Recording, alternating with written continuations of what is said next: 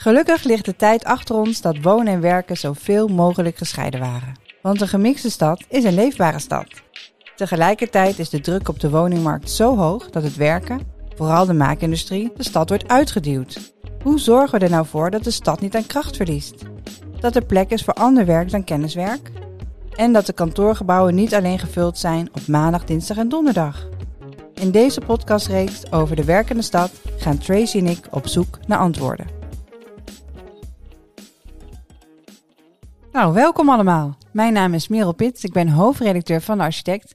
En naast mij zit weer journalist Tracy Mans. Ja, hartstikke leuk om hier weer te zijn. Fijn dat je er bent, Tracy. Het is de tweede aflevering in de reeks over de werkende stad. Planet Office is onze partner in deze reeks. En dat is niet heel toevallig, want Planet Office is gespecialiseerd in het creëren van inspirerende werkomgevingen. Die zich moeiteloos laten aanpassen in een veranderende maatschappij. Als design en beeld, PPS-specialist en totaalinrichter. En zo bieden zij een oplossing voor elke werkomgeving. Vandaag gaan we het hebben over de toekomst van het kantoor. Zoals ik in de eerste aflevering al vertelde, kom ik niet zo heel vaak op ons kantoor in Zeist, het hoofdkantoor van VME Media. Maar dat is wel weer mooi ingericht door Planet Office. Jij bent wel een keer geweest, Tracy? Ja, heel mooi. Heel mooie plek in het groen, prachtig. Alleen een beetje excentrisch gelegen.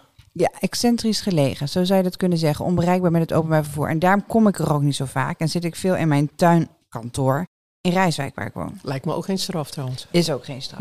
is zeker geen straf. Wij werken ook allemaal hybride. Het is ook niet de bedoeling dat alle 200 medewerkers van VME Media tegelijkertijd op kantoor zijn. Of althans niet aan het werk zijn, wel voor feestjes. Wat vind jij van het hybride werken? Oh, ik vind het fantastisch. Het is ongeveer het enige goede wat uit uh, de hele coronapandemie is gekomen. Dat mensen een nieuw evenwicht hebben kunnen zoeken en hopelijk ook vinden tussen hun werkend leven en hun thuisleven. Goed voor de work-life balance. Tegelijkertijd, um, in de laatste aflevering gaan we nog spreken met uh, twee architecten, hoe zij hun architectenbureau runnen en hun nieuwbouw. Maar daar werkt bijna niemand thuis hè, bij architectenbureaus. Nee, het zijn beulen. Beulen. Ik ben benieuwd hoe onze gasten denken over het hybride werken en de toekomst van het kantoor. Wie hebben we vandaag de gast, Tracy? Wij hebben vandaag twee hele interessante mensen. Eén daarvan is Stefan Peterman. Stefan is architect. Hij studeerde aan de TU in Eindhoven en in Utrecht. Hij werkte bij OMA. Hij is nu hoofdredacteur van Volume en medeoprichter van het multidisciplinair bureau MAN met twee N's, net als Peter Mann. En hij schrijft voor The Guardian, ook voor de architect. En hij heeft een heel mooi boek gemaakt, dat ligt hier voor me. En dat heet Back to the Office. Grappig dat we het er net over hebben. 50 Revolutionary Office Buildings and How They Sustained. Heel mooi boek, bijna uitverkocht. Dus als je dat nog wil, moet je het snel toeslaan. En dat is geïnspireerd door de verandering van de werkplek door de pandemie. Maar het is eigenlijk echt een standaardwerk over de office. Hoewel ik wel één heel belangrijk kantoor miste, Stefan. Daar gaan we het zo over hebben. En daarnaast hebben we Michiel Hofman. We zitten ook vandaag bij Hofman Dujardin. Uh, zijn we te gast in hun uh, mooie kantoor op een verrassende plek. Of moet ik zeggen, het is een verrassend mooi kantoor op een plek waar ik dat niet had verwacht. Ja, dat omschrijf je heel goed zo. Een bedrijventerrein in Diemen. Ik dacht ja. vanmorgen, waar ga ik nou weer heen? Maar het is een hele fijne werkplek hebben jullie gemaakt hier, uh, Michiel, samen met jouw vrouw Barbara Dujardin. 40 medewerkers en jullie doen heel veel dingen. Nieuwbouw, renovaties, transformaties, interieurs, productdesign. Maar we gaan het vandaag vooral hebben over interieurs. En jullie ontwerpfilosofie noem je Shaping Intuition. Daar heb je zelfs patent op aangevraagd. Nou, we hebben een copyright op het uh, Shaping Intuition. En, nou, uh, grappig. Ja. Daar wil ik straks meer over horen. We gaan beginnen. Merel. Hi Stefan, welkom. Hi. Terwijl ik deze podcast aan het voorbereiden was, vroeg ik me ineens af: zit jij eigenlijk wel eens op kantoor? Ja, eigenlijk best wel vaak. Ik heb een klein kantoor en dat, dat uh, gelukkig ook niet zo heel ver van mijn uh, huis is. Uh, en dat is een, ja, een oud in een oud schoolgebouw. waar we een half klaslokaal hebben, dat we samen delen, ook met Volume. En waar ook mijn kantoor is. En dat is een heel prettige plek. Maar als je dat vertelt en ik probeer me dat voor te stellen, is dat niet een kantoor-kantoor? Nee, nee, nee. Het is meer een amalgaan van uh, verledens en van uh, geschiedenissen, half privé spul dat rondhangt natuurlijk. Het is een beetje een uh, vrolijke chaos. Met wel substantieel aandeel boeken, uiteraard. Ook net meegesleept van heinde en verre. Maar ja, een heel informele ruimte, net zonder altijd weer poespas. Met niet zo bijzonder mooi en gestileerd als we in deze setting hier bij elkaar zitten. Heb je daar ooit iets verbouwd? Nee. Nee, gewoon uh, ingetrokken en, uh, en doorgeschoven. Misschien dat we nu weer gaan verhuizen naar een nieuw pand, maar uh, het is vooral gewoon. Uh, ik heb zelf nooit, nooit heel de sterke ambitie gehad, ook om de werkplek voor mezelf heel erg vorm te geven. Ik heb heel veel gereisd, ook met, met Rem Koolhaas. En daar hadden we altijd een soort van sport om, om de meest lelijke plek te vinden om samen te gaan zitten werken.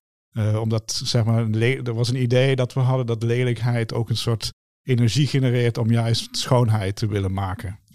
Wat vind jij daarvan, Michiel? Ja, is super interessant. Ik heb dat nog niet eerder gehoord. Maar dat is heel, uh, dat, dat, kan ik ook wel in vinden, ja. ja. Ik weet nog heel goed dat iemand me een keer vertelde dat hij zei van ja, en uh, een vriend van hem die werkt dan in Londen en dat was helemaal perfect en dan helemaal ingeregeld. Ik zeg ja, maar dan word je toch ook helemaal niet meer geprikkeld om uh, na te denken over hoe het anders kan als een omgeving helemaal perfect is.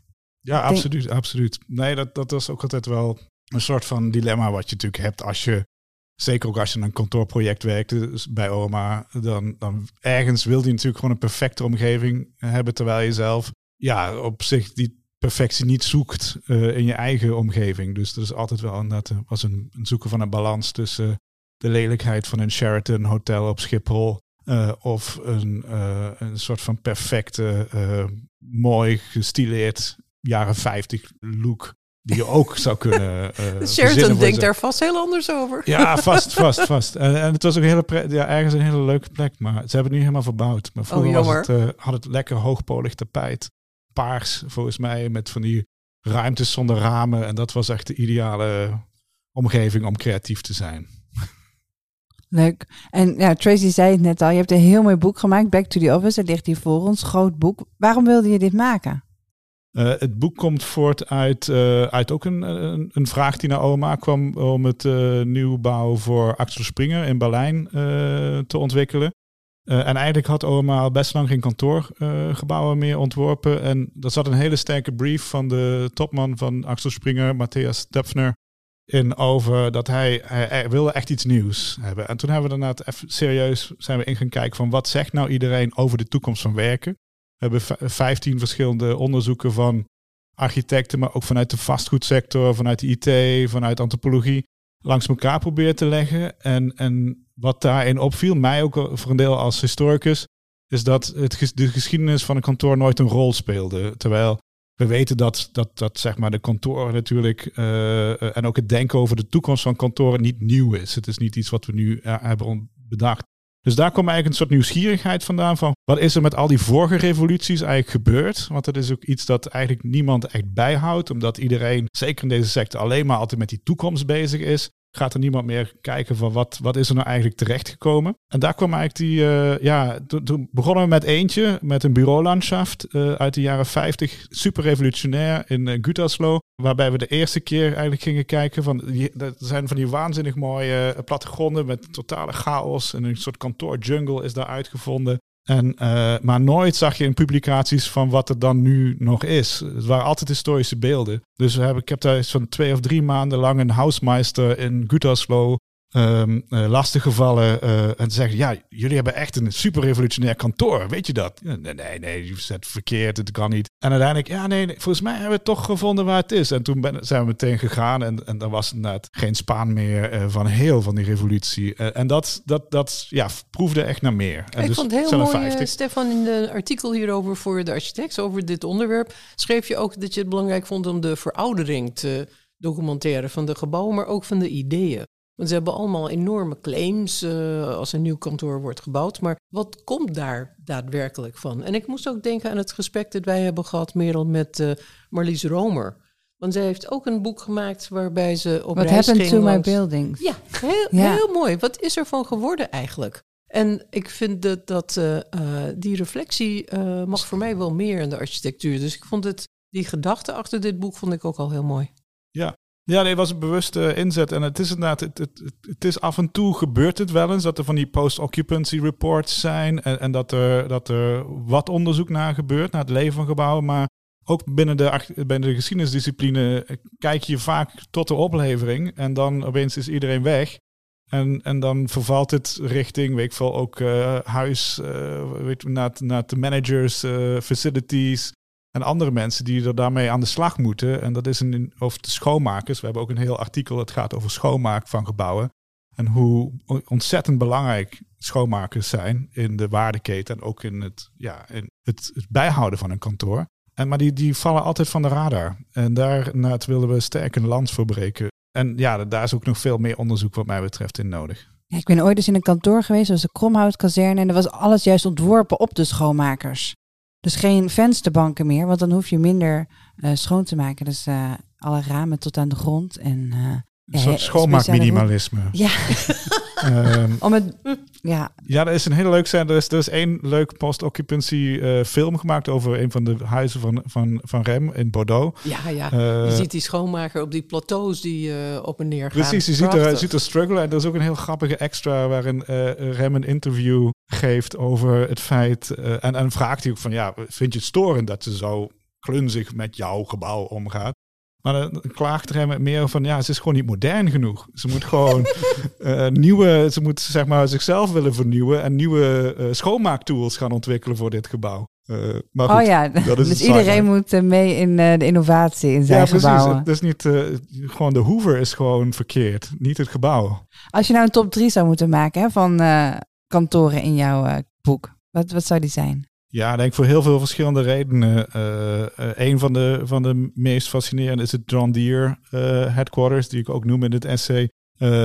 Dat, dat georganiseerd was echt als een werkmachine waarin absoluut geen enkele vorm van persoonlijke affiliatie tussen werknemers en het gebouw plaatsvond. Maar iedereen desalniettemin super blij was met het kantoor. Nou, is nu iets wat we totaal niet meer kunnen voorstellen, waarin we het centraal stellen van de mens, et cetera, zo ontzettend belangrijk is. Maar het, het, zag er ook waanzinnig uit. En Saarinen eh, had wel eh, de kwaliteit om alles ook compleet door te ontwikkelen. Eh, in Nederland is er een, een, een, heel mooi gebouw van Marcel Breuer, het Van Leergebouw in Amstelveen. Waar ook alweer meteen een tragische geschiedenis in, want het was ooit het gebouw met de hoogste plafonds van heel Europa. 5,4 meter vrije ruimte. Uh, maar precies genoeg om er net daarna nog één uh, verdiepingje tussen te knallen. En dat is dan ook gebeurd door een investeerder. Waardoor, ja, je ziet dan echt de, de waarde uh, keihard kelderen van zo'n pand. Terwijl... Hij op... zag hem uh, verdubbelen. Precies, hij zag hem verdubbelen. maar het kwam daarna ook weer leeg te staan. En dat was, dat was heel, heel gedoe. Niet zit er een hele, ook op zich een leuke school in. Uh, en de derde... Gaat ook bij twee houden hoor. Twee. Zullen we dat doen? We houden het bij twee. Ja. Mag ik dan nu vragen naar het gebouw dat ik, als ik het goed heb gezien, dat ik miste, voor mij een beetje het oerkantoor is. Dat is de Larkin Building van Frank Lloyd Wright. Staat er Wel. heel kort in, oh. want we hebben één, uh, één sectie postuum gemaakt. Uh, waar we een soort van necrologieën van revolutionaire kantoorgebouwen die het niet hebben gehad. Die inderdaad op onze lijst stonden, maar omdat ze er niet meer zijn, omdat ze afgebroken zijn, uh, um, zit in die sectie. We hebben een klein overlijdens, overlijdensbericht. Bericht, ja, dat was eigenlijk het begin van de kantoortuin, hè?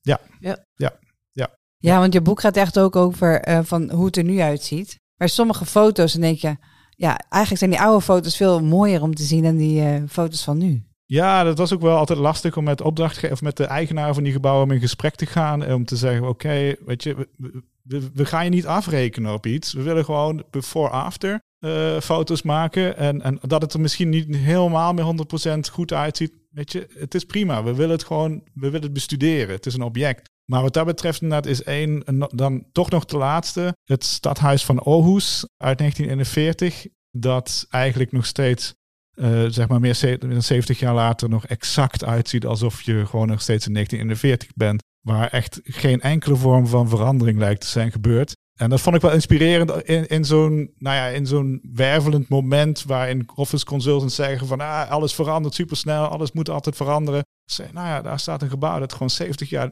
nauwelijks veranderd is. De gemeente Aarhus heeft prima naar zijn zin. Het werkt eigenlijk als een zonnetje. Dus misschien kunnen we dat tempo waarop office consultants zeg maar de hele tijd die nieuwe uh, revoluties aan het aankondigen zijn. Misschien kan daar wel iets nuance in of iets ja, minder snel of, of iets meer reflectie in plaatsvinden. Ja, zo was ik ook uh, in Kopenhagen in de Nationale Bank. Ja, staat er ook in. Ja, uh, maar daar wordt nou toch wel behoorlijk aangepakt om te verduurzamen. Ja, ja, nee, dat zie je ook wel. En uh, door de projecten heen zie je na 20, 30 jaar, met name op het duurzaamheidsaspect. Uh, heel veel van die kantoren zijn ook aangelegd net voor de gas, gascrisis van de jaren 70. En je ziet dat dat eigenlijk altijd de grootste nekbreker is voor veel van die kantoren. Zeg maar. Dat is de grootste opgave, hè? Ja, ja. En als je nou naar een willekeurige stad kijkt, dan uh, zijn eigenlijk woontorens, maar toch ook zeker kantoortorens, beeldbepalende gebouwen. He, dat is echt een belangrijk onderdeel van onze beleving van de stad. En tegelijkertijd staan ze nu uh, steeds meer leeg. Tenminste ook het kantoor van uh, VM Media, waar ik werk, is nou op vrijdag gesloten, want het zijn te, te weinig mensen. En ik weet ook op maandag en woensdag komen er niet superveel. Wat betekent dit? Worden we nou met onze identiteitscrisis ja, nou ja, het is inderdaad heel erg. Het kantoor zit heel diep verankerd in, in, in, in wie we zijn als mensen. We identificeren ons heel sterk met ons werk. Uh, daar halen we veel eigenwaarde uit en daar hoort een plek bij. En op het moment dat dat verschuift, en ook in ons idee inderdaad van de stad, uh, en ook, met, ook nog met ChatGPT op de horizon en alle andere vormen van veranderingen, is het wel wat dat betreft een heel spannend moment, denk ik. Dat je moet afvragen van wat is, wat is die toren in die stad eigenlijk ooit geweest? Voor wie was hij er eigenlijk? En tegelijkertijd realiseren dat we het grootste deel van de geschiedenis zonder hebben gekund. Uh, we hebben maar eigenlijk maar 150 jaar een kantoor. En de rest van de tijd, zeker als we nadenken over uh, waar we het eerder over hadden, nou, dat besparen we de luisteraar nu eventjes. Maar is het eigenlijk een heel kort, ook voor historici, een heel kort moment in de geschiedenis, maar dat we überhaupt een kantoor hebben. En dat we er misschien ook gewoon ook zonder uiteindelijk wel weer kunnen. Maar nu zitten we ermee. We zitten zeker in de, in de techwereld van bijvoorbeeld San Francisco. De hele Silicon Valley gebied. Vol met lege kantoren en, en de straten zijn vol met daklozen. Wat moeten we met al die kantoren? Ja, uiteraard de transformatieopgave zit er natuurlijk uh, heel sterk in. Maar het is een, ja, het zijn gokken geweest ook in het verleden. Of inderdaad verwachtingen van wat een stad is in het verleden. Die we nu inderdaad uh, op ons bordje krijgen. Op het moment dat het misschien echt inderdaad gaat naar oké, dat, dat, die, daar is gewoon geen behoefte aan. Dus of ze moeten ze uit elkaar gaan proberen te schroeven als dat kan. En, en opnieuw proberen in te zetten. Als woningen bijvoorbeeld? Ja, ja. Maar dan moet daar ook wel weer natuurlijk gewoon. Um, ja, dan moet het eigenlijk, ja, als iets echt alleen als kantoor is ontworpen, is het moeilijk om het uh, om er iets anders van te maken. Plug ook de financiële verwachtingen natuurlijk van, uh, van de eigenaren, et cetera. En, en soort van ook de pensioenfondsen en alles wat daar weer onder hangt. Ja, die moet bereid zijn verlies te nemen. En dat kan kennelijk een tijdje duren. Ja, ja. ja dus enerzijds zie ik ook hè, dat uh, heel veel uh, organisaties deel van hun kantoren afstoten. Dat ze minder ruimte willen. En tegelijkertijd zie je zo'n beweging van die Amerikaanse bedrijven, ook hier in Nederland, die juist iedereen naar kantoor willen halen. En ook Um, ja, ik weet niet wat. Je hoeft eigenlijk kantoor niet meer uit. Je kan daar gewoon verblijven. Zoals Booking.com is net opgeleverd. Hè? Michiel Hofman zit hier, die heeft het interieur ontworpen. Wat vind jij van die bewegingen? Jij bent zelf ook heel veel van die kantoren geweest. Google, Facebook. Ja, ik vond het, ik vond, ik het zelf. Uh, ik ben inderdaad in. Uh, we hebben rondom Axel Springer ook inderdaad in Silicon Valley. Uh, zijn we bij heel veel van de tech-giganten langs geweest. Bij Google, bij Facebook, bij al die bedrijven. En voor mezelf, nou ja, ik, ik omschreef al een beetje mijn eigen kantooromgeving. Die is vrij informeel. en, en, en proefde ik daar ja, zoveel vormen van soort van opgelegde verwachting, ook van wie ik ben, zonder dat ze mij kennen. Zeg maar dat je moest uh, uh, inderdaad, ik veel, in een print workshop moest je posters gaan maken. Je moest, daar moest je dan gaan pingpongen, daar moest je weer dat gaan doen. En dat was niet, sloten voor mij in ieder geval echt niet aan bij wat ik van een werkomgeving wil. Ik, ik ben meer dan inderdaad eigenlijk in de richting van John Deere. Waarbij ik vind, oké, uh, werk serieus, leuk, moet je doen. gaan we keihard zitten en daarna trek je de deur gewoon achter je dicht. En dat was ook het mooie van het kantoor daar. Er zat een enorm park omheen. Er zaten heel veel gemeenschapsfuncties bij. Dus er zat een theater bij. Uh, er zaten allerlei dingen die totaal niks met werk te maken hebben. Je schreef in de architect zelfs dat je het claustrofobisch vond. Ja, ja, ik het voelde echt alsof iemand een beetje rondom mijn keel uh, zat. En een soort van het, het... Terwijl het bedoeld is als een warme jas om je heen. Ja, maar die beklemde dus. Het was voor mij meer een straitjacket dan een warme jas. Op en dat is natuurlijk een, een, een, balans. Ik snap dat, dat ook uh, opdrachtgevers en, en, en uh, proberen zo goed mogelijk voor hun uh, werknemers te zorgen. Ja, maar ze zeggen ook, zoals Booking.com zegt ook gewoon heel duidelijk, we willen ze zo gelukkig mogelijk maken, zodat ze zo efficiënt mogelijk werken. Ja, En zo creatief mogelijk proces doormaken. Zelf zit ik daar nog heel erg mee te zoeken van wat betekent dit nou eigenlijk? Zijn we een soort van poppetjes die allemaal straks het kantoor in rennen? We worden helemaal eh opgepept en eh, vertroeteld. vertroeteld, zodat we meelopen in, ja, in het pad wat zij hebben bedacht.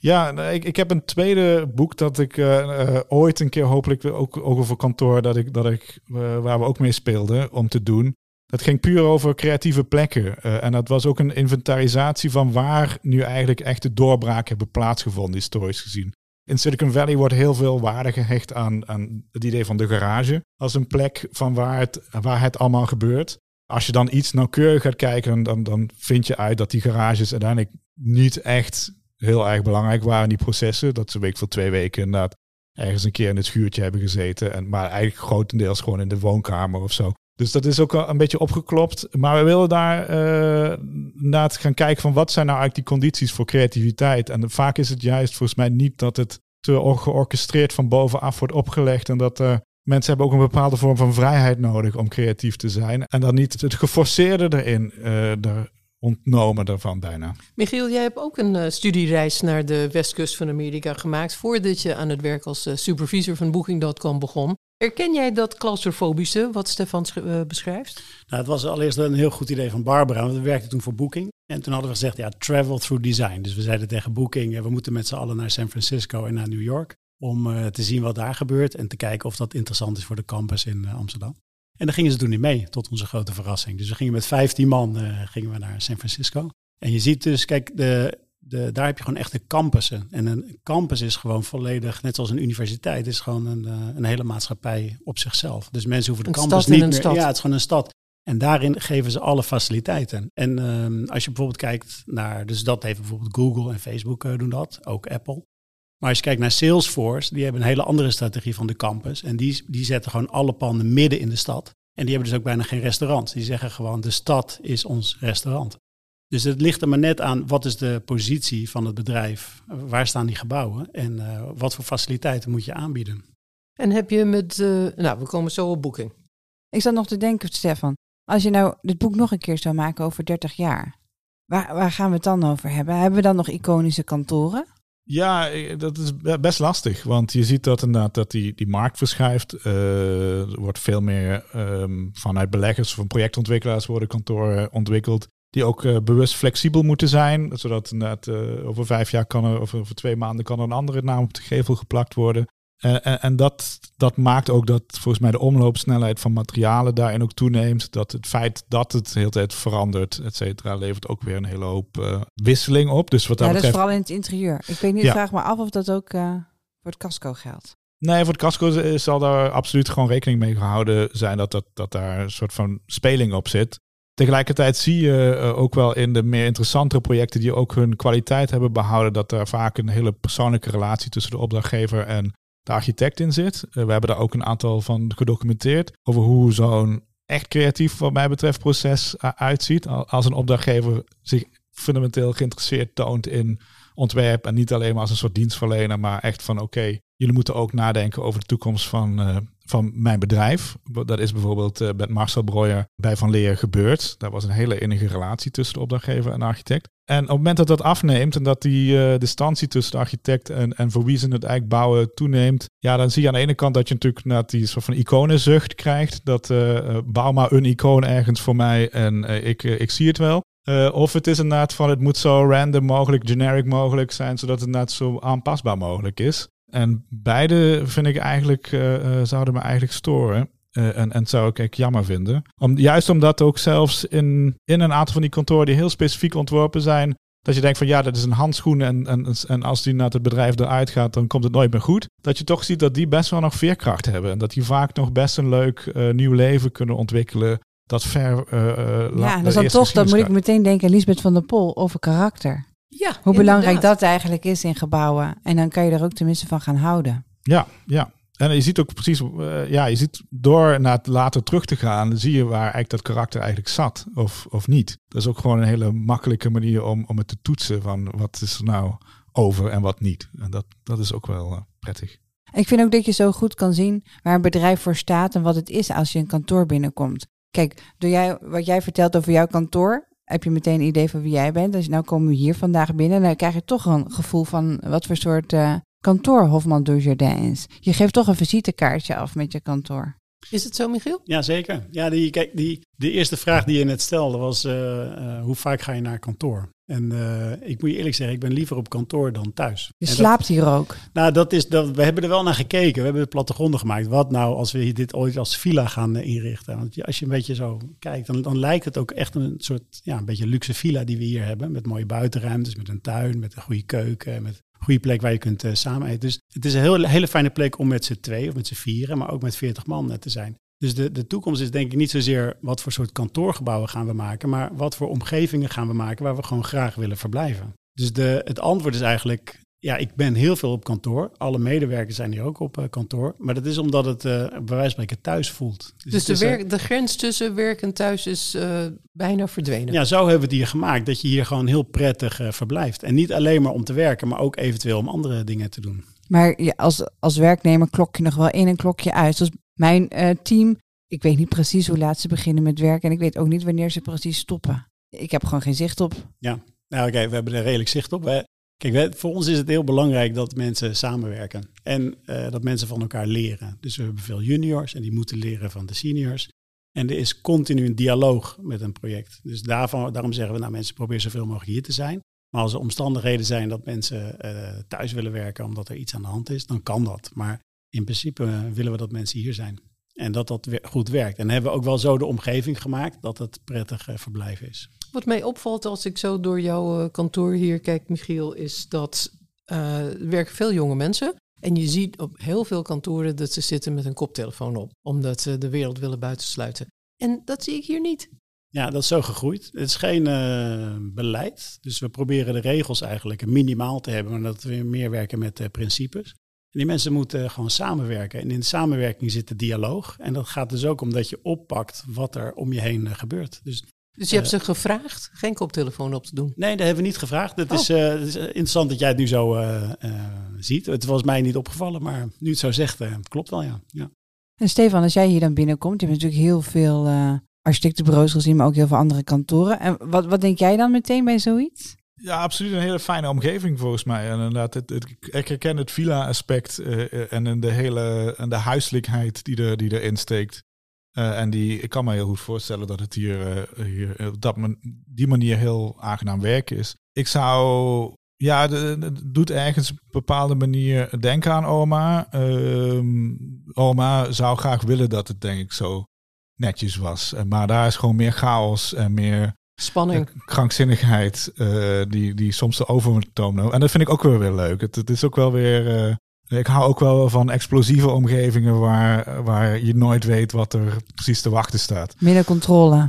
Ik weet niet of er hier heel veel controle is. Het ziet er gewoon heel net en goed en sterk georganiseerd uit. Zeg maar, we zagen uit de materialenbibliotheek, die is heel strak en netjes. Uh, terwijl bij oma weet ik dat uh, Ellen van Loon altijd de stukken travertin achterhield uh, en in haar eigen kantoortje stiekem een stash had waar de echte goede samples waren. En, en, en de ook... andere projecten die hadden die dan niet. Ja, ja, want dat, zij was een beetje de travertin koningin. En weer heel veel andere materialen die vond je weer op andere plekken. Er was altijd een soort van jungle waar je ook gewoon doorheen moest. En, en dat vind ik ook wel uh, iets voor hebben. Maar dat het zo netjes en goed georganiseerd is hier, kan ik me voor de medewerkers ook wel heel fijn. Ja, Steven, ik moet je straks even het voorste pand laten zien. Dan uh, ga je echt de jungle beleven. Want dat daar, is de boerenschuur van de, de Hofman dus. Ja, ja, ja, ja, dat, dat, die hadden we nog niet uh, ja, gepast. Gelukkig is er ergens rotzooi. Ja. En daar komen ze ook, alle werknemers. Nou, niet zo vaak, maar die, die kunnen daar naartoe. Ja, er staan allemaal maquettes staan daar. Heel veel materialen hebben we daar ook nog. Uh, uh, fiets, uh, ja,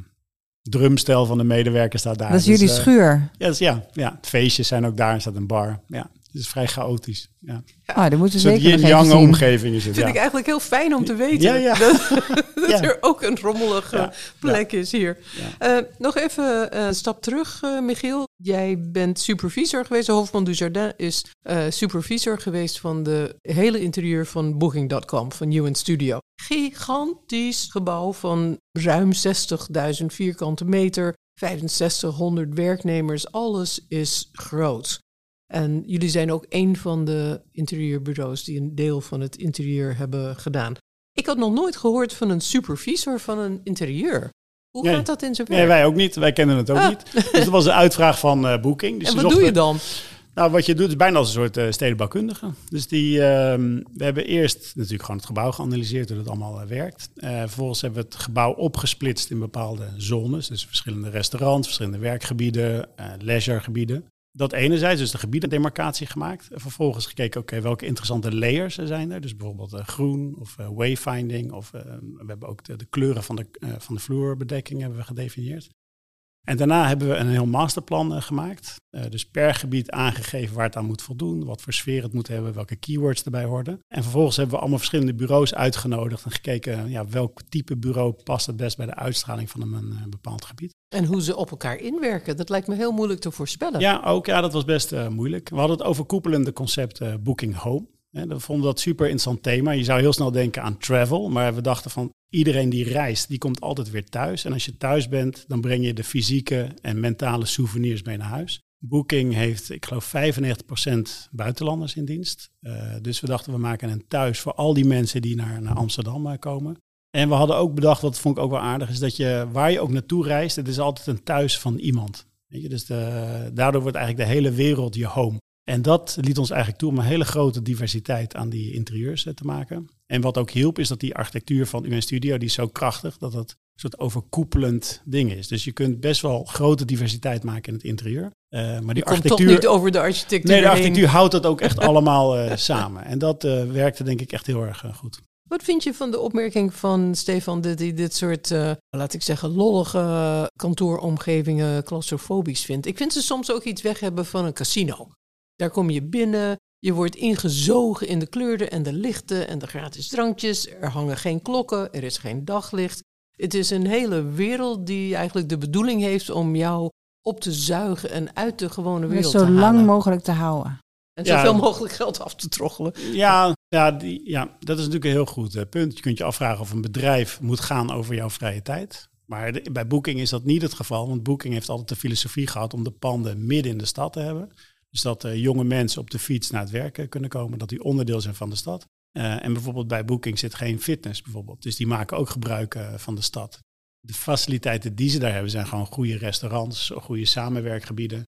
En ja, een soort overpowering architecture die uitermate goed is.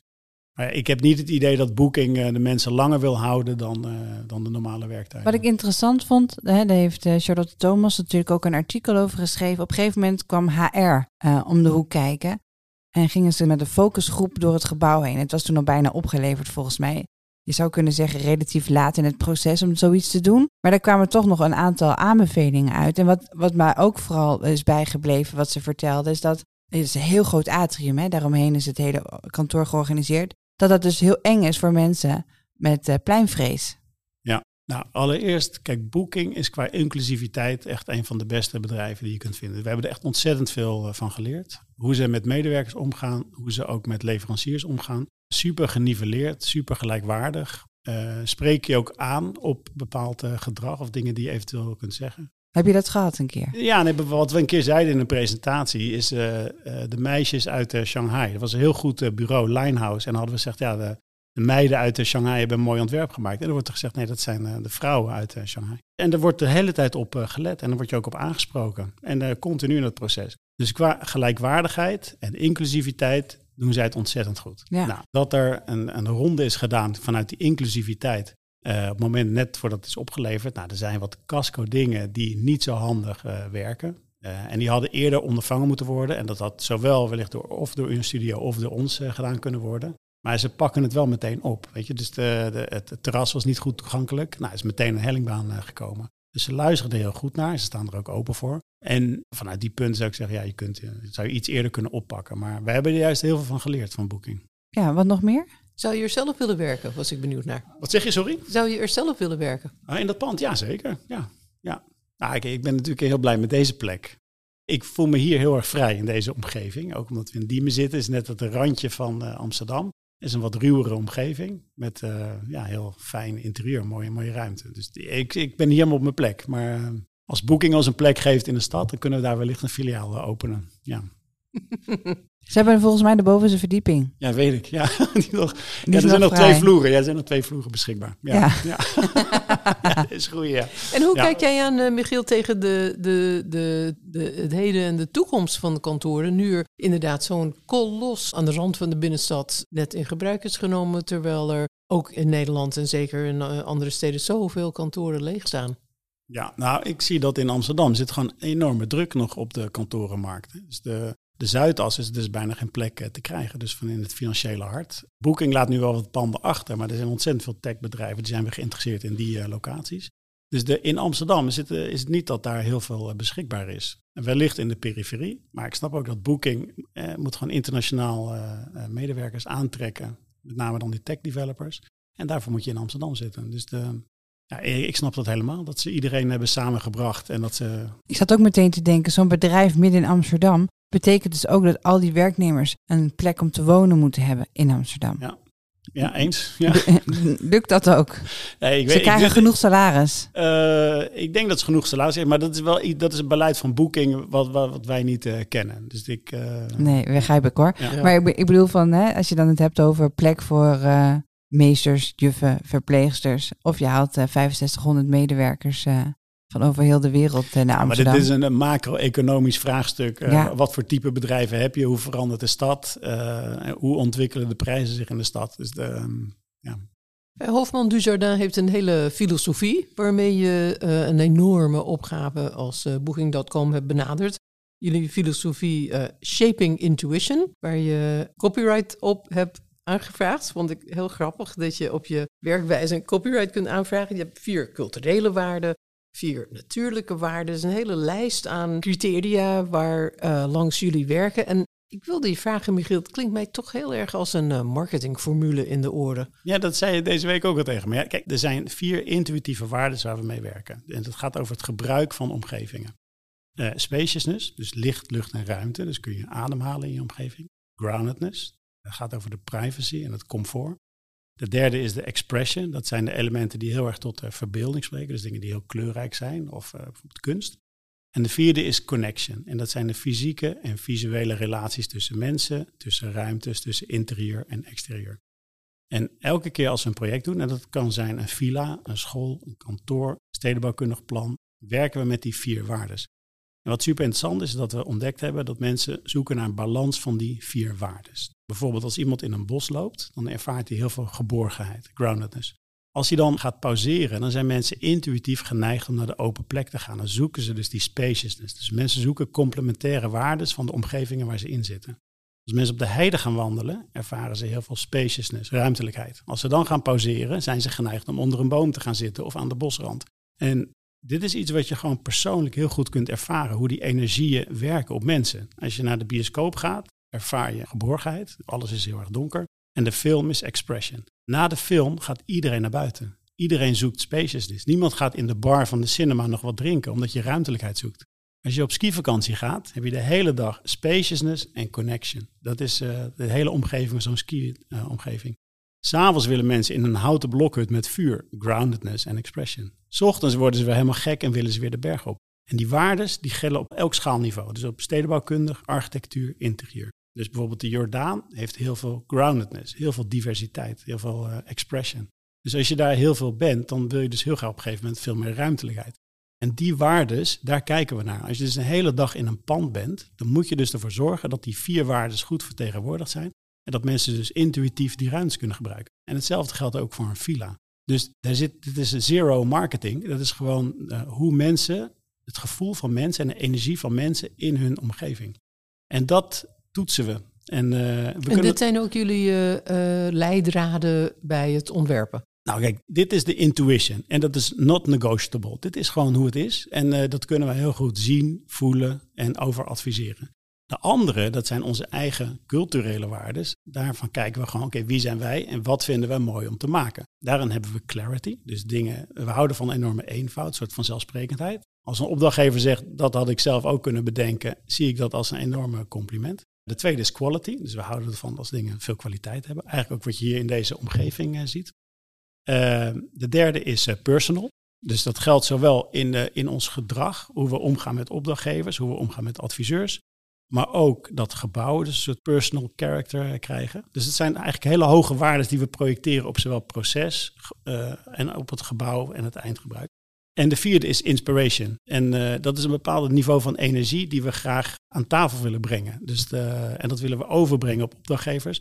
Maar ook als een pand in gebruik is, willen we dat mensen geïnspireerd raken.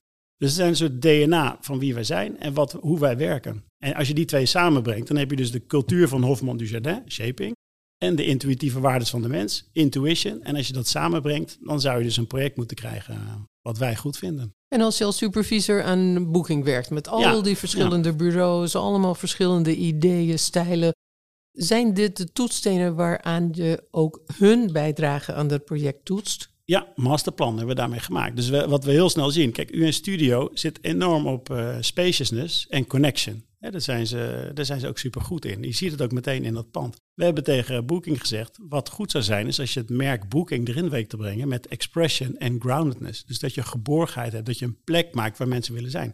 En niet alleen maar de hele tijd in beweging zijn en die ruimtelijkheid ervaren. Dat was eigenlijk de basis hoe we Booking hebben geadviseerd hoe je dat pand moet gaan gebruiken. En als je die vier waarden dan in balans brengt, ja, dan, dan gaat dat uh, hartstikke goed. En, en dat zie je dus ook in dat interieur. Dus als je zegt, ja, groundedness en expression moet je in dat interieur gaan brengen. En dan spaciousness en connection zit al in, die, in dat casco uh, van een studio. Dan laat het ook toe om heel veel diversiteit erin te brengen. Omdat je dus verschillende ervaringen moet uh, genereren. Je vertelde me dat een van de ontwikkelingen die je ziet in het kantorenlandschap in het algemeen is een verandering tussen hoe corporates en de meer creatieve techbedrijven hun architectuur en hun interieurs gebruiken. Corporates die zochten altijd architectuur als een soort branding.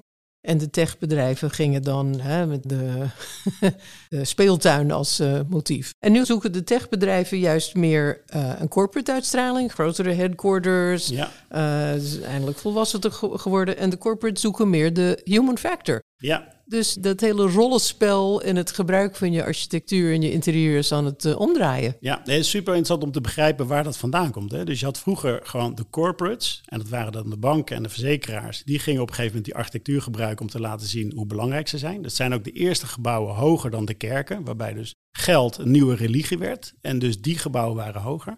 Maar wat je bij techbedrijven zag, dus bij Google in de jaren 90, uh, is tech IT, dat stond vroeger was dat in de periferie van het bedrijf. Het was meer een soort hulpmiddel van een bedrijf. Dus ze hadden allemaal left-brainers en die zorgden ervoor dat de website werkte, dat de e-mail werkte. En dat, dat die IT'ers, die zijn het product geworden van het bedrijf. Dus die zijn meer het centrum geworden. Dus wat die techbedrijven nodig hadden, waaronder Google, is hoe kun je de left-brainers meer hun right brain laten gebruiken. Dus ze zochten veel meer naar creativiteit. Als je vroeger aan een, een, een tech-developer vroeg, iets, kan je iets veranderen in mijn e-mail? Dan kreeg, zei hij gewoon, nee, kan niet. Ja, maar waarom niet? Nee, kan gewoon niet. Dus wat die bedrijven zochten is creativiteit bij de tech developers. Dus using the right brain. Dus daarom hebben ze die interieurs gemaakt, die hele gekke interieurs. Dat was niet een playground om mensen te vermaken. Het is om mensen te stimuleren om een right brain te gebruiken, om creativiteit bij de IT'ers te brengen. En daar begon het. En, nou, en dan is het interessant om te kijken, tien jaar geleden kende niemand een Google-gebouw. Niemand kende, uh, van elk techbedrijf kende je geen gebouwen, maar alleen de interieurs. En van de corporates kende je alleen de gebouwen. Dus je, van de banken ken je gebouwen in Londen, op de Zuidas, et cetera. En die techbedrijven kende je alleen de interieurs. En daarna zag je dus dat die grote corporates zeiden: oké, we moeten dus, dat zijn ook techbedrijven geworden. Hè? Dus ING is gewoon in principe een techbedrijf met een uh, banklicentie. Dat willen ze graag zijn. Dus die corporates die willen meer tech worden. En die techbedrijven, dat is in principe een website, die zijn alleen digitaal. Die willen veel fysieker worden. Dus die willen corporate worden. Ja, en they meet in the middle. Ja, dus, boeking, dan komen ze daar wel een mooie manifestatie goed, van, hè? Zeker, ja. ja dus maar kijk, ook uh, Apple en al die grote techbedrijven, die hebben dus nu al die architectuur gemaakt. En alle corporates, die zijn dus nu heel erg bezig met uh, human interiors. Herken je deze worden. analyse, Stefan? Vroeg ik me in één keer af. Uh, ja, absoluut. Ik, zeker herken ik hem. Ik, het is dat ik... Um, dat ik de uitdrukkingsvorm soms uh, te generiek vind. Dat, dat het net. Dat was ook een beetje toen we, toen we naar die 15 verschillende studies van wat is de toekomst van kantoor. Dat het wel ontzettend uh, mono-achtig beeld met heel veel beige en af en toe één felle kleur. En, en, en verder moesten mensen maar een beetje wel gewoon weer in hun aereo-stoel zitten en aan hetzelfde bureau eigenlijk weer werken. En dat er wat dat betreft het, de experimenteerdrift niet, uh, niet heel sterk naar voren kwam. En dat vind ik nog steeds uh, heel jammer. Ook, ook als je naar dingen als net groundedness of um, wat op zich gewoon hele mooie thema's zijn. En het deed me denken net even aan het Centraal Beheergebouw van Herman Hetzberger waarin mensen daadwerkelijk hun eigen bureau naar het kantoor mee mochten nemen. En ook een hondenmand en een hond en de, de papegaai uh, en, en et cetera. En daar, daar vind ik, daar is te weinig ruimte voor om, om daar iets experimenteler in te zijn. Om, ja, het zijn allemaal belangrijke waarden, ook de menselijke waarden, maar kunnen we daar niet met iets meer vrijheid zonder naar te dikke laag van corporate identity uh, en, en uh, HR-functionarissen die dat voor ons bepalen, over hoe wij ons waar moeten voelen, kunnen we daar niet iets meer ruimte voor maken. Dat is het uh, wat, ik, wat ik er eigenlijk bij dacht. Iets meer jouw kantoor. Ja, in ieder geval voor mij zou het wel uh, een behoefte zijn. Ik ben ook, uh, ik, ik, geloof niet zo heel erg sterk in dat je of links of rechts brain bent. Ik denk dat de meeste mensen gewoon beide hebben. En hoe kun je daar ook op Misschien is, is het probleem eigenlijk niet ruimtelijk. Misschien is het gewoon wel degelijk ook aan, aan betere managers en, en interessantere deelnemermodellen waarbij je inderdaad uh, aandeelhouder wordt op een vroeger moment of, of dat soort manieren om creativiteit te stimuleren. Ik denk dat daar nog heel veel uh, uh, in te winnen is. Uh, ook zelfs voor architecten, denk ik, ook voor ontwerpers, om te denken van oké, ga ik nou weer een soort van pastelkleuren, omdat nu pastelmode is, ergens in, in pluggen? Of ga ik ze iets interessanters bieden qua programmering van onze ruimte? Ik wil, misschien moeten er gewoon gastkunstenaars komen die bepaalde stukken kunnen overnemen. Misschien moeten we vrijkaartjes geven aan, aan, aan, aan willekeurige burgers in Amsterdam. Die dan uh, in boeking uh, uh, hun boekje mogen komen lezen of, of iets, iets anders. Weet je, daar zit veel meer wat mij betreft de uitdaging voor het kantoor dan. dan, dan dus het kantoor meer naar de stad halen? Ja, en, en, en daar oprecht in zijn. Op een, en het dan ook echt open gooien. Om, en dan ook de controle. Dat is een moeilijke drift. opgave. Hè? Want ik heb met Studio 9 door Albert Herder daar ook over gesproken. Dat is dit ook in hun ideeën. Maar ze zeggen dat lukt ons moeilijk bij opdrachtgevers om dat voor elkaar te krijgen. Booking ziet je al komen hiermee, Michiel. Nou, de, bij Booking heb je natuurlijk best wel een compacte entree. En er zit die hele community space op de tweede verdieping. En dat is niet publiek uh, toegankelijk, ook de restaurants niet. Uh, maar nee, terwijl het wel zonde is hè, van die restaurants. Zonde, ja, het is hele hoge kwaliteit. Het is een hele fijne uh, omgeving. Maar bijvoorbeeld bij ING is de hele begaande grond toegankelijk. Inclusief het restaurant, de koffiebar, het auditorium. En dat, dat leidt dan wel weer tot protesten in het ING-kantoor. Wat nu natuurlijk ter discussie wordt gesteld, moeten we daar niet iets aan doen. Uh, maar die hadden in elk geval wel de ambitie om die beveiligingspoortjes naar achter te plaatsen en mensen naar binnen te laten. En je kunt je ook meteen afvragen, ja, wie komt er dan? Ja, dat dus vraag ik me ook, want de Rabobank heeft volgens mij een van de eerste op Utrecht. Uh, en dat was dan ook, daar hebben we toen ook over geschreven. dacht ik, ja, maar ik zou niet hier als passant even denken, nou ik ga hier even Nee, dus zitten. dat zit dan, wat C van is, dat, dat zit dan heel erg in de programmering en ook het gedrag van het bedrijf naar, naar buiten toe. Oh, je ziet het wel uh, nu bijvoorbeeld uh, in, uh, het is nog niet klaar, maar het komt eraan, de Nederlandse Bank.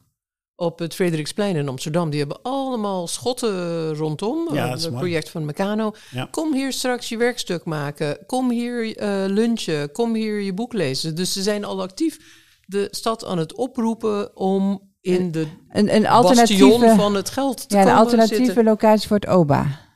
Openbare Bibliotheek Amsterdam. Waar Oh, iedereen, waar allemaal studenten zitten te werken. Waar nooit plek is, heb ik gehoord. Ja, zeker. Misschien gaan OBA een filiaal openen in de Nederlandse bank. Leuk. Of, of een bruggetje naar Booking uh, openen. Ja, Ja. Toch naast. meteen op de tweede Nee, maar verdieping. en Booking heeft ook een publieke plint. Hè? Dus die, Ja. eh, daar komen nog restaurants voor het eh, publiek. Maar dat is dan een beetje een mix. Hè? Dat is niet alleen eh, Booking. Dus er komen ook andere merken bij. Ehm, ja. Dat geven ze terug aan de stad. Ja, ja. Er, komen, er zitten zelfs woningen hè? Ja. in het pand. Wie wonen daar dan? Boekingers? Nee, nee, nee, nee, is allemaal verkocht. Nee. Ja, Ja, misschien Bookingers, maar dat is dan een heel ander proces. die huren dat natuurlijk dan weer. Nee, maar dat is niet eigendom van Booking meer. Hè? Dus Nee. het is allemaal... eh, Van investeerden ja, natuurlijk. precies. Ja. PPD. Fascinerend, hè? De- wat de aanwezigheid van zo'n groot bedrijf in de binnenstad betekent. Ja, en ik, ik heb ook eh, eh, de situatie gezien. Het is echt een eh, heel diep, heel groot. Echt zo'n baf. Ze hebben het hele plot gewoon eh, volgebouwd. Zo maximaal mogelijk, hè? Om het hele programma erin te krijgen. Het was, het was, was het een opgave om het hele programma erin te krijgen? Eh, nou, ik nee, het programma, op, toen we startten was wel een minimale hoeveelheid werkplekken. Dat is Ja. tijdens COVID zijn natuurlijk meer mensen geprojecteerd op dezelfde werkplekken. Dus dat konden er dan iets minder worden. Maar die hele opgave wat u in studio gedaan heeft, stedenbouwkundig, ja, dat is ook niet ons ding. Nee, maar, maar ik eh, kan me voorstellen, jij hebt ook aan die opgave gewerkt, toch Ja, Stefan? we hebben met OMA waar wij de, de anderen genodigden om eh, een ontwerp in te leveren. Eh, eh, dus, dus ik eh, ken de problematiek. Het was een enorm eh, vol programma. Eigenlijk kon het bijna niet. Qua, dus wij kregen het heel moeilijk, eh, alle vierkante meters erin geperst. Nou, you in studio geloof ik ook niet zo, want in NRC schreef Bernard Hulsman over het gebouw als een afzichtelijke klont. Ja, Paf. Subtiele Benno. Ja, maar dat is denk ik wat je dus krijgt als je zo'n enorm programma op zo'n plek wilt maken. Dan kan je bijna niet anders, denk ik, als architect. Maar toch ben ik blij dat ze bij de binnenstad zijn gebleven en niet naar het Zuidas gegaan. Ja, Nou, in de volgende issue van Volume laten we daar gelijk ook even. eh, Ja, Reclame maken. Nee, we, we zijn met een stuk bezig. Het gaat over, eh, over eh, de City in Londen. waarbij eigenlijk vanwege eigenlijk financiële constraints. elk nieuw kantoor dat er eigenlijk gepland wordt. minimaal dubbel zo groot moet zijn. om het puur financieel rond te krijgen. Dus wat je daar ziet is gewoon dat die soort van die kantoren worden steeds verder opgepompt. Opgepompt, nog dikker, nog dieper. Eh, en nog forser en lomper. eh, waarbij je jezelf uiteindelijk gewoon natuurlijk een, totaal aan de voet gaat schieten met een soort van obesitas eh, kantoorarchitectuur. goede term dit, ja. obesitas Ja, of plof- architectuur. Plof, plofkantoren. Ja, en dan komen we weer, eh, dat, dat eh, die eerste aflevering hadden we daar ook over, Tracy, hè, dat dan eigenlijk zo de banken zo bepalen hoe onze omge- omgeving eruit ziet. Ja, wat, eh, en ook eh, met de lege kantoren zijn het de banken en de financierders en de pensioenfondsen die bepalen de, wat er mogelijk is in die eh, omgeving om dat nog een beetje voor de stad te redden. Dank jullie wel voor deze mooie Dankjewel. podcast. Dank jullie wel. Tracy, jij ook weer heel erg bedankt voor je komst. Wat neem je mee van dit gesprek als, we zo, als je zo teruggaat? Zie En je- voor een verhoogd bewustzijn van de betekenis van het kantoor voor de stad. Want ja, ze zijn nog niet zo heel oud in de geschiedenis der mensheid, maar in mijn leven heel bepalend. En dat is enorm veranderd met corona en met het nieuwe denken over wat een techbedrijf is en de rol in de samenleving. Dus de relatie kantoor-samenleving is voor mij nu eh, eh, heel levendig eh, top of mind. Ja, je ziet er nog wel zonnig in? Dat zal afhangen van voor, nou misschien Amsterdam niet, maar voor heel veel steden van welke geniale ingevingen we kunnen vinden om de lege kantoren eh, nieuw leven in te blazen. Want dat is echt een eh, blamage nu en heel slecht voor de stad. Als ik nu bijvoorbeeld kijk naar de nieuwe generaties hè, die bij ons werken, ook op, eh, dan die kijken überhaupt totaal ook anders naar werk. Die zijn gewoon veel meer bezig met van, nou ja, mijn werk is één deel van mijn leven, maar niet alles. Als ik dan bedenk hoe ik begon met werken mijn eerste jaren. Toen, ik weet nog dat ik bij een workshop heb meegedaan. Is het mogelijk werken en kinderen? ik dacht, dat kan gewoon niet. en nu heb je er drie. en heb ik er drie. En Ja. ben je hoofdredacteur.